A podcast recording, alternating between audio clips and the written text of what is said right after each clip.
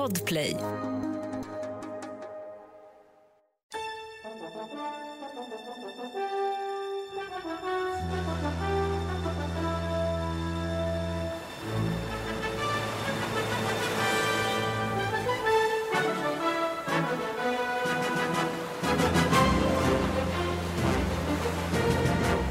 Folk som säger sig kunna bota sjukdomar med fantastiska apparater har funnits i alla tider. Kiropraktorn Nils August Lindqvist är en av dem. 1938 återvänder han till Sverige efter 35 år i USA. Med sig har Lindqvist ett mirakelinstrument. En neurokalometer som kan bota sjuka mer effektivt än Jesus.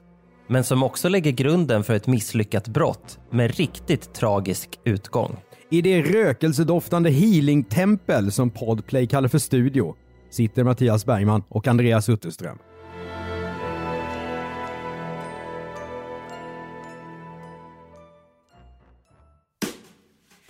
Redo för att åka tidsmaskin?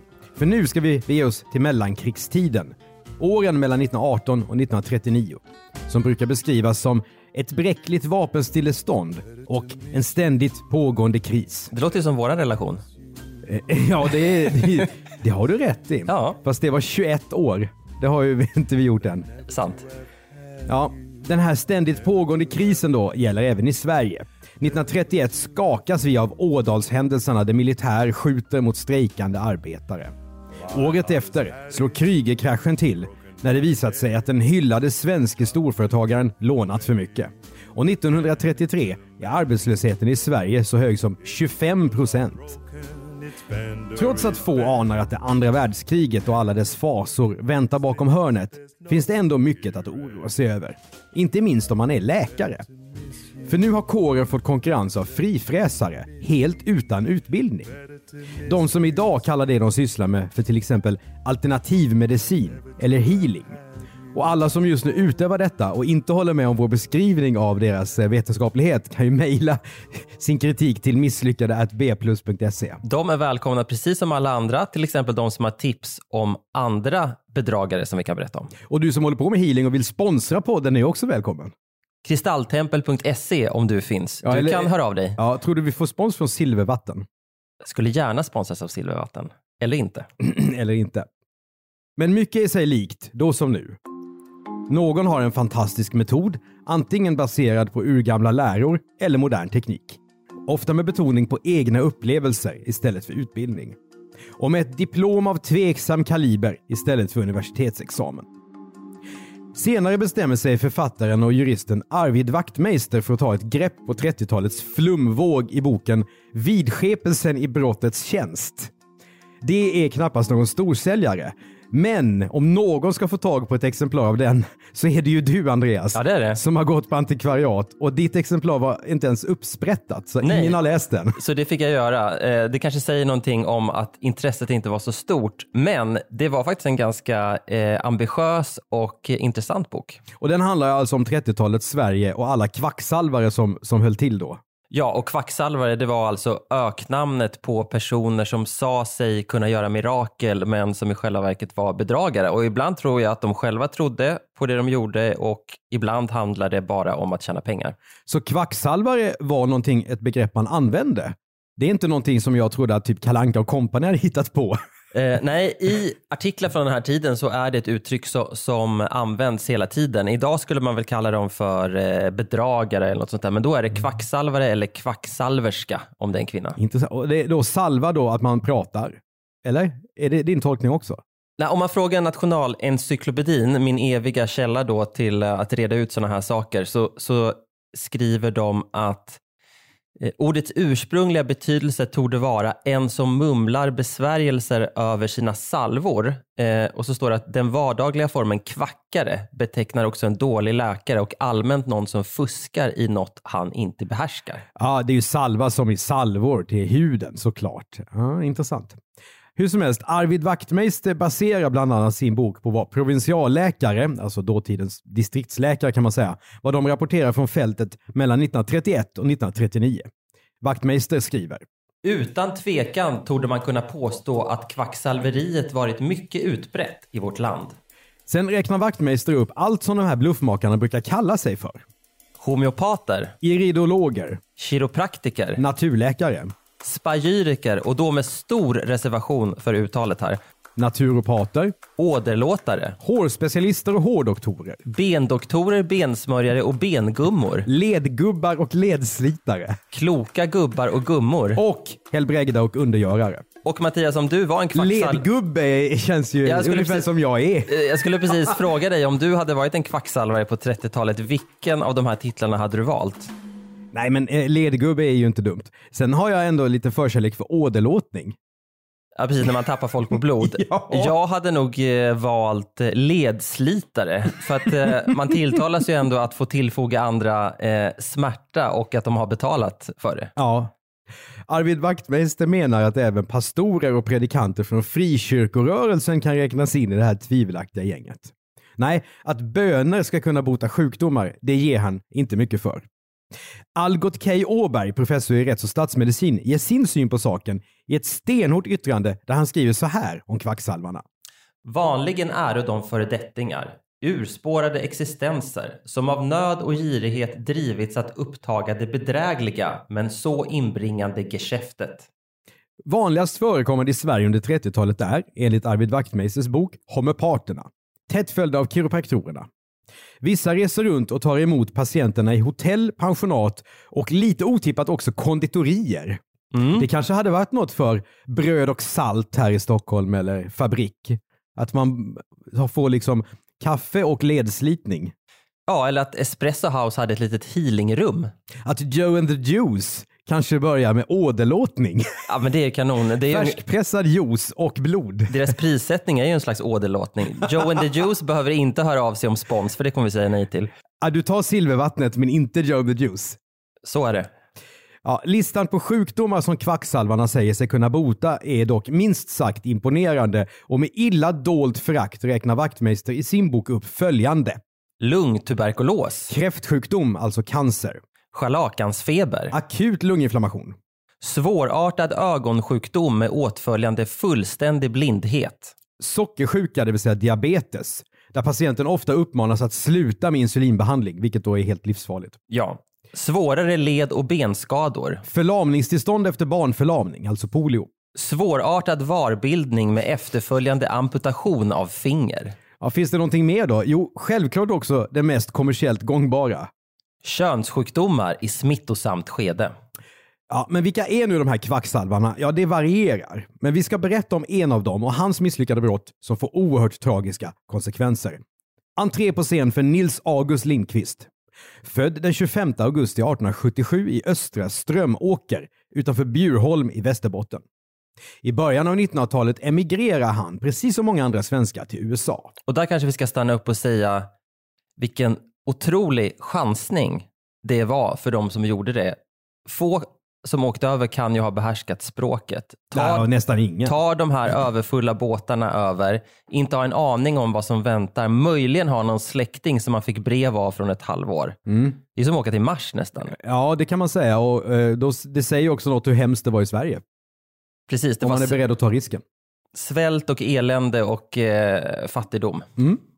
I det nya landet då, USA, utbildar sig Lindqvist till kiropraktor. Eller kotknackare som man också säger vid den här tiden. Ett ord som idag enbart Andreas Utterströms pappa använder. Just det, Lennart Utterström, fortfarande en anhängare av uttrycket kotknackare. Han brukade säga så här under min barndom, jag ska till Forshaga Bengtsson, eh, kotknackaren. Eller Forshaga Bengt var det nog. Ja, vi kanske ska tillfoga att Forshaga-Bengt antagligen var utbildad. Ja, det hoppas jag. Och eh, min eh, far är också då ytterst skeptisk mot flum, så att jag utgår från att Forshaga Bengt, eller Forshaga-Bengt som vad han nu hette, visste vad han höll på med. Nej, men idag finns ju över tusen legitimerade kiropraktorer i Sverige. Men i början på 1900-talet så var det här någonting helt nytt. Och det väckte både fascination och skepsis. Och det tycker jag är lite intressant med det här med kvacksalveriet därför att ja, det är klart att det är ovetenskapligt och ingen läkare gillar det innan det omvärderas då. Akupunktur är väl en sån sak också. Idag finns det Absolut. många som får, jag vet min sambo har fått akupunkturbehandling för musarm och sånt där som var utskrattat som hokus pokus eh, för länge sedan men som nu är liksom eh, vedertaget och som man kan använda sin friskvårdspeng till. Ja, och sånt händer ju. Precis, men frågan är då om Nils August Lindqvist ägnar sig åt sånt som idag är vedertaget. Vi får se. Ett poddtips från Podplay. I fallen jag aldrig glömmer djupdyker Hasse Aro i arbetet bakom några av Sveriges mest uppseendeväckande brottsutredningar. Går vi in med hemlig telefonavlyssning och, och då upplever vi att vi får en total förändring av hans beteende. Vad är det som händer nu? Vem är det som läcker? Och så säger han att jag är kriminell, jag har varit kriminell i hela mitt liv men att mörda ett barn, där går min gräns. Nya säsongen av Fallen jag aldrig glömmer på Podplay.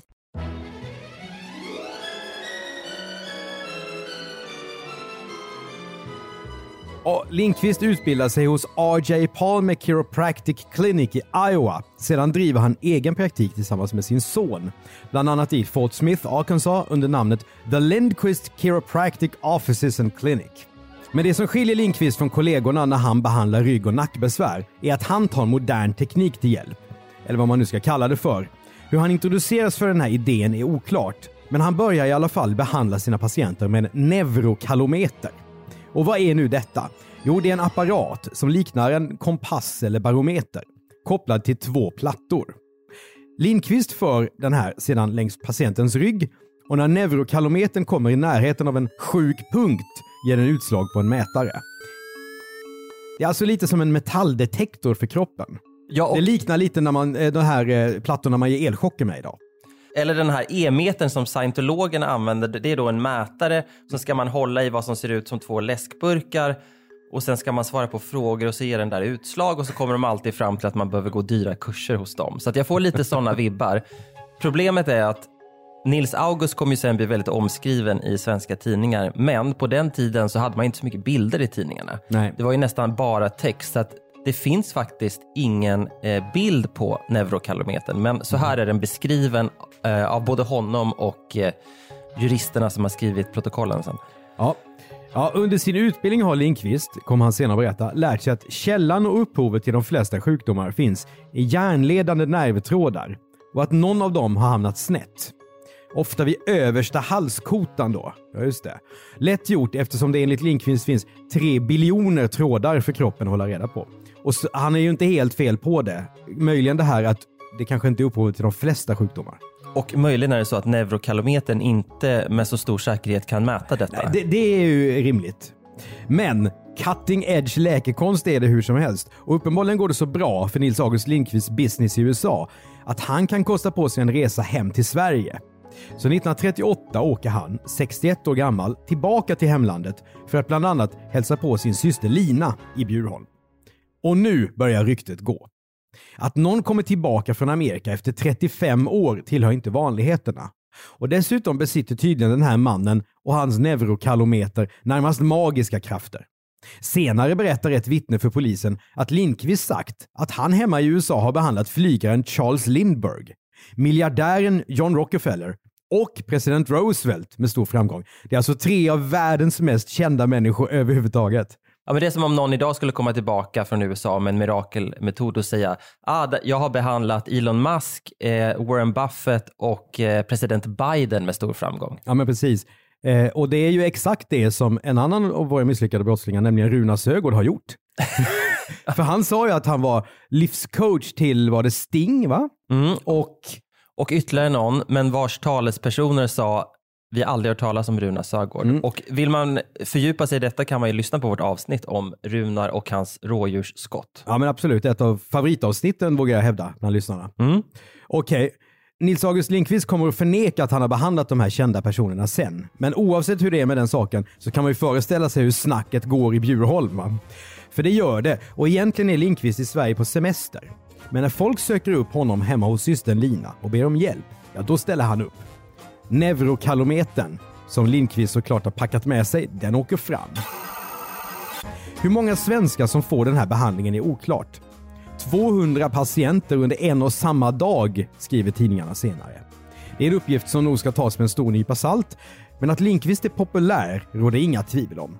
För när polisen senare förhör honom noteras att det väntar ett tiotal personer i systerns kök. Som då har blivit väntrum helt enkelt. Ja, det är helt enkelt där han tar emot patienterna. Mm. Och så här står det i protokollet. Denne mottog sina besökare i ett rum innanför köket och han hade här och tvenne bockar placerat en träskiva på vilken var utbredd ett lakan. Detta bord, inom citationstecken, användes tydligen som undersökningsbord. De som ber Lindqvist och hans neurokalometer om hjälp plågas av alla möjliga saker. Barndomsvännen och hemmansägaren Adolf Tavlin har kronisk magkatarr. Fru Anna Augusta Nygren lider av en benåkomma. Fru Carolina Johansson kämpar med svår astma. Fröken Agda Maria Norberg har problem med ryggen. Hemmansägaren Johan Nordström plågas av styvhet i ena benet och värk i det andra. Vet du, jag får, får associationer lite till Emily Lönneberga när de är i det här fattigstugan. Eller, Ja. något, är, eller möjligen alltså filmatiseringen av Utvandrarna. Ja, och just ben verkar folk haft mycket problem med. Här är det då styvhet, värk och benåkomma. Och så när vi räknade upp vad de här eh, bedragarna kallade sig för så var det också benslitare och eh, bensmörjare eller vad det var för någonting. Ja men jätteintressant. Frågan är, är det, vi är ju inte läkare någon av oss, men är det, kan det vara ischias? Eller är de helt enkelt för utslitna liksom?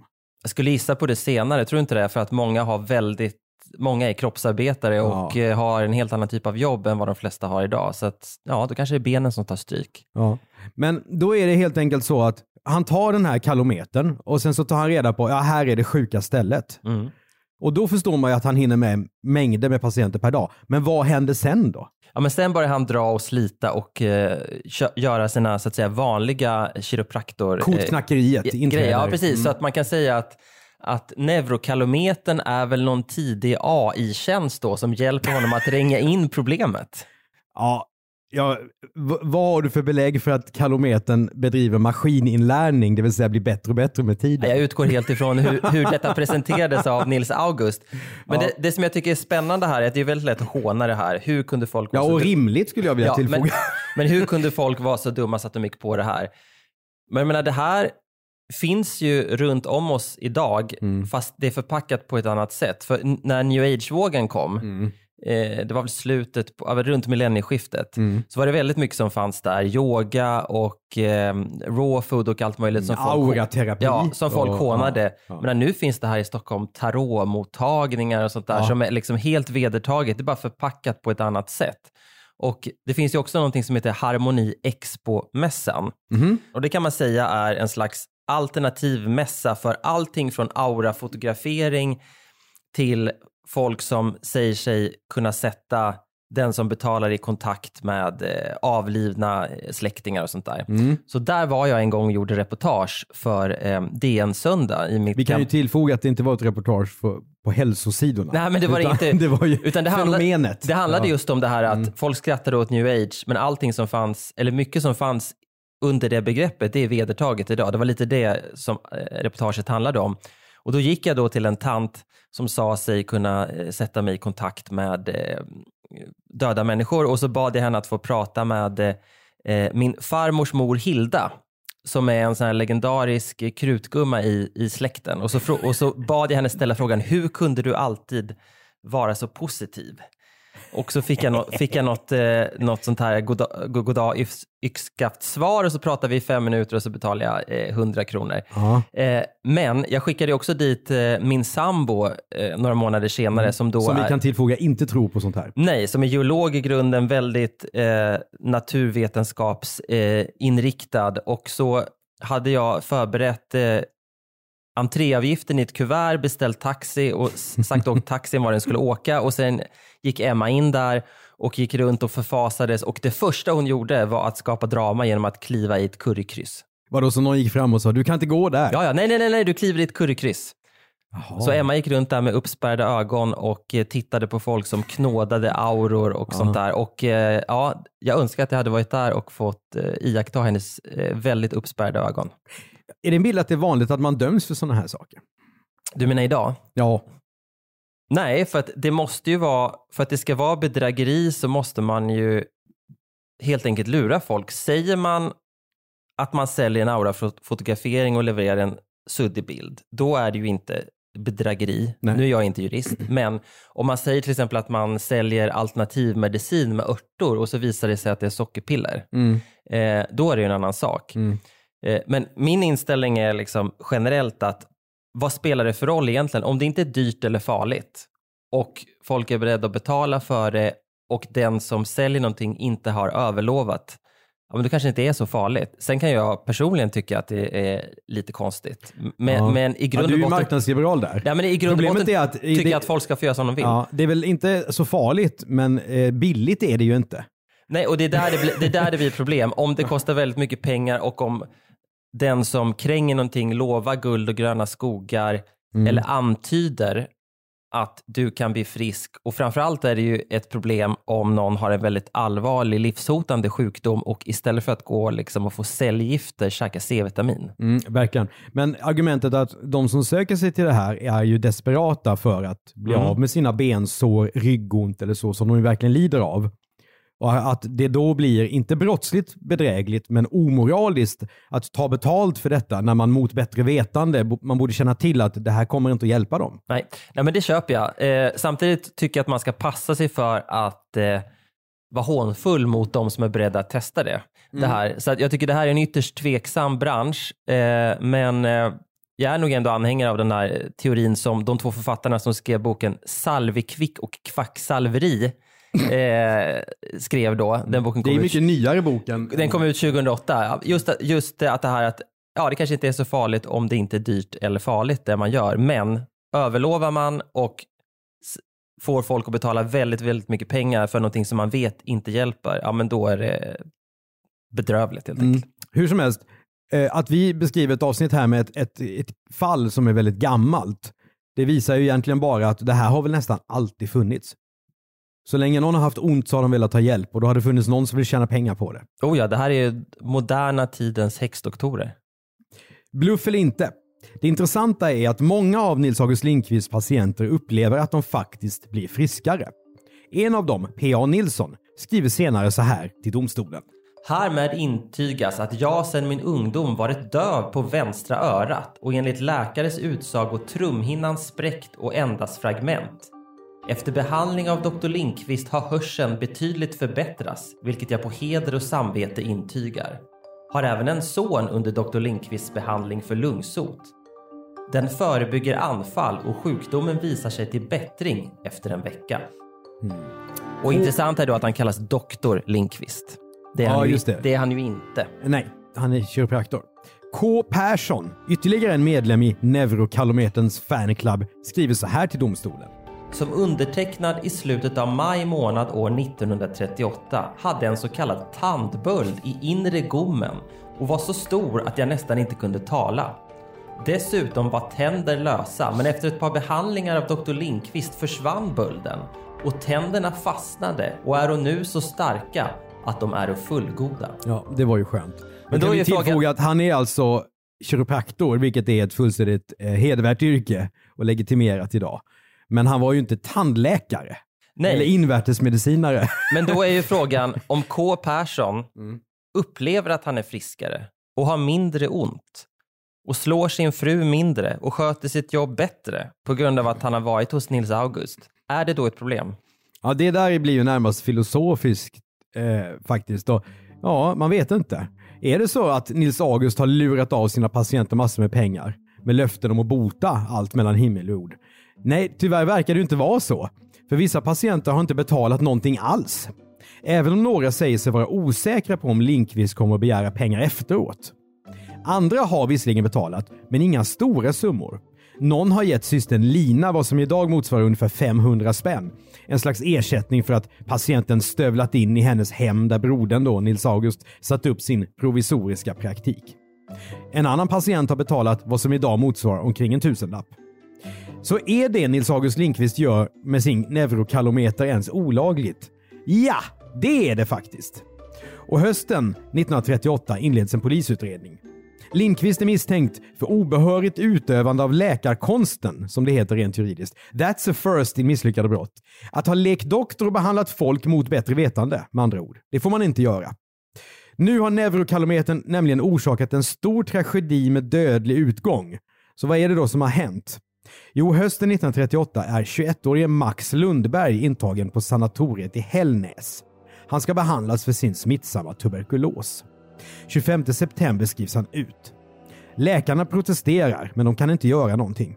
Pappa Axel Robert Lundberg har nämligen bestämt sig för att välja en annan väg. Ja, och här blir det komplicerat eh, och eh, omoraliskt. Bara så att ingen tror att med anledning av det jag sa för en stund sedan att jag tycker att Nils August Linkvist agerande är okej. Mm. Pappa Lundberg har nämligen blivit uppringd av Nils August Lindqvists syster Lina. Hon tycker att brodern borde få undersöka den svårt sjuke Max och säger att han kan bota honom. Någon dag senare träffar Max pappa Lindqvist själv som säger att han kan hjälpa till. Och Det här är en chans som pappan såklart inte vill gå miste om.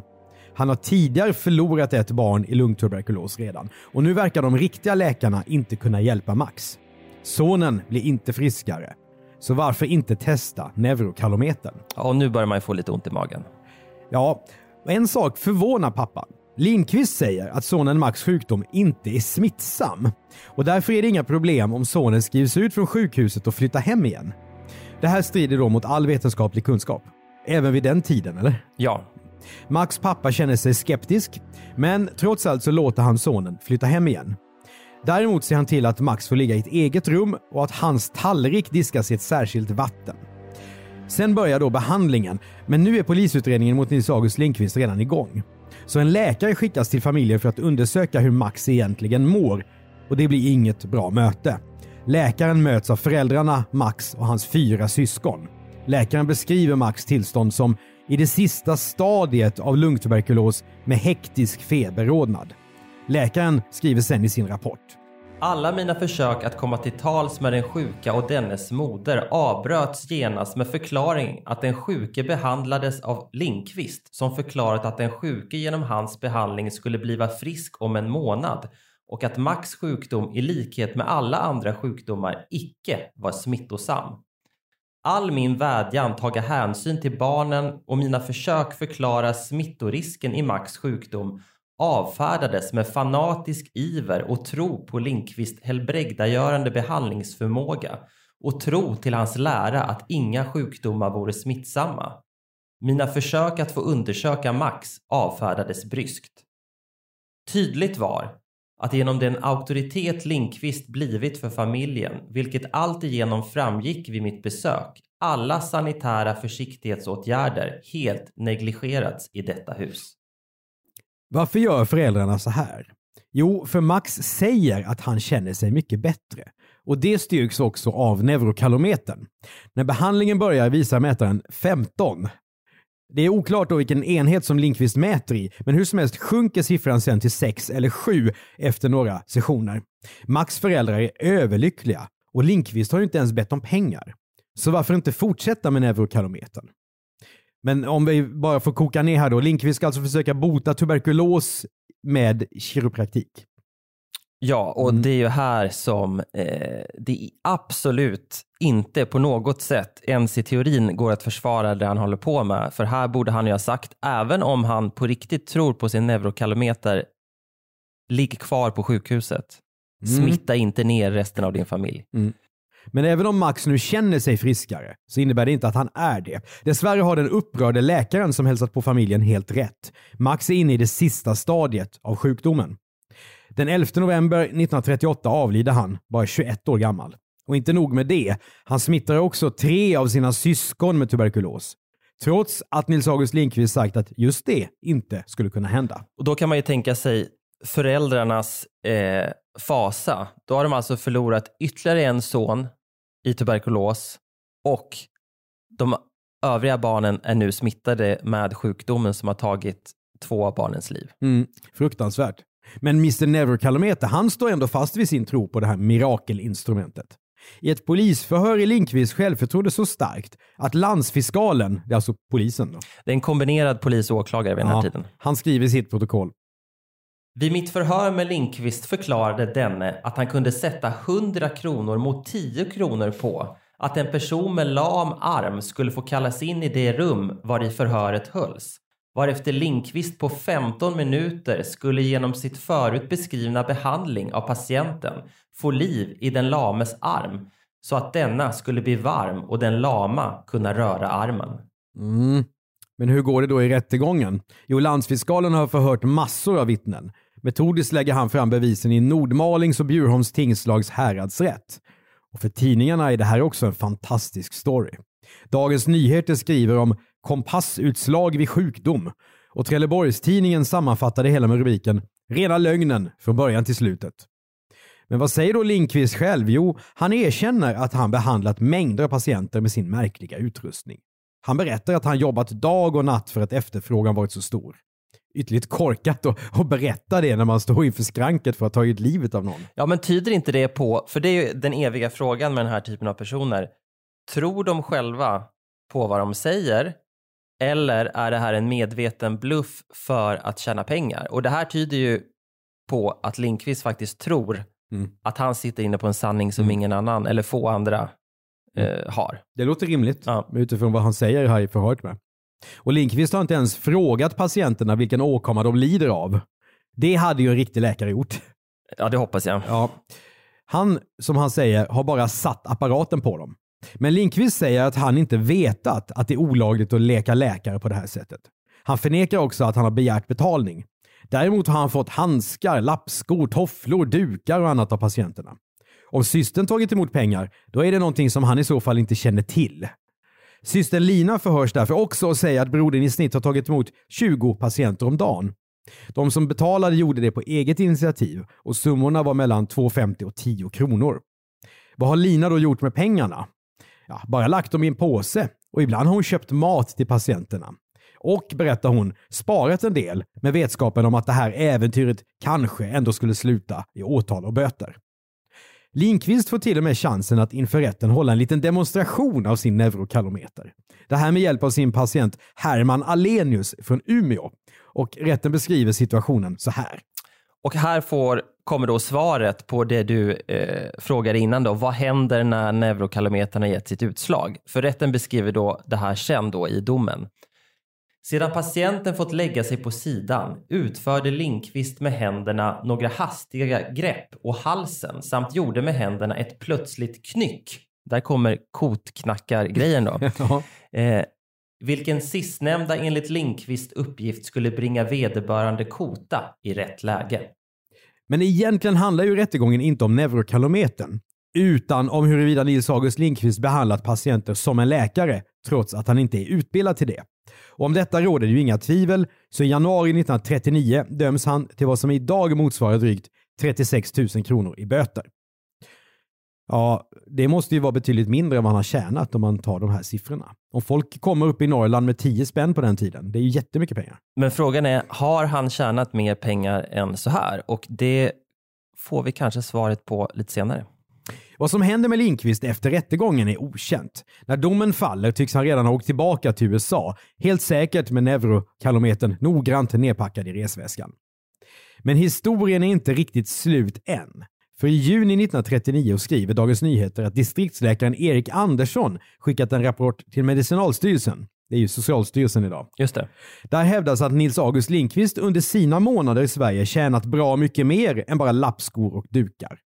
Enligt rapporten var det här big business och Lindqvist ska ha dragit in vad som idag motsvarar drygt 3,2 miljoner kronor under sina fem semestermånader. Oavsett hur det ligger till med den saken sätter Nils August Lindqvist djupa spår efter sig. För efter att han åkt tillbaka till USA finns en familj kvar i Sverige vars son kanske hade överlevt om han valt att fortsätta behandlingen hos en riktig läkare. Undvikit en kvacksalvare och framförallt hållit sig på betryggande avstånd från neurokalometern.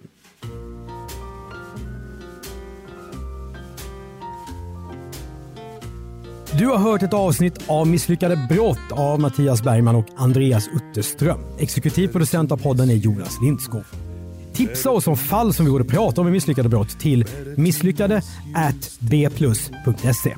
Prenumerera gärna på podden och betygsätt den i din poddspelare så är det fler som hittar till den. I vanliga fall driver jag commercial content som jobbar med företagspoddar. Tillsammans med Mattias gör jag för Podplay bland annat dokumentären Jag var där. Lyssna gärna. Du som lyssnar på Podplay, du får ut alla avsnitt av säsong 10 samtidigt, så du har mer att gotta dig åt. Podplay, en del av Power Media. Ett poddtips från Podplay. I fallen jag aldrig glömmer djupdyker Hasse Aro i arbetet bakom några av Sveriges mest uppseendeväckande brottsutredningar. Går vi in med hemlig telefonavlyssning och, och då upplever vi att vi får en total förändring av hans beteende. Vad är det som händer nu? Vem är det som läcker? Och så säger han att jag är kriminell, jag har varit kriminell i hela mitt liv men att mörda ett barn, där går min gräns. Nya säsongen av Fallen jag aldrig glömmer på Podplay.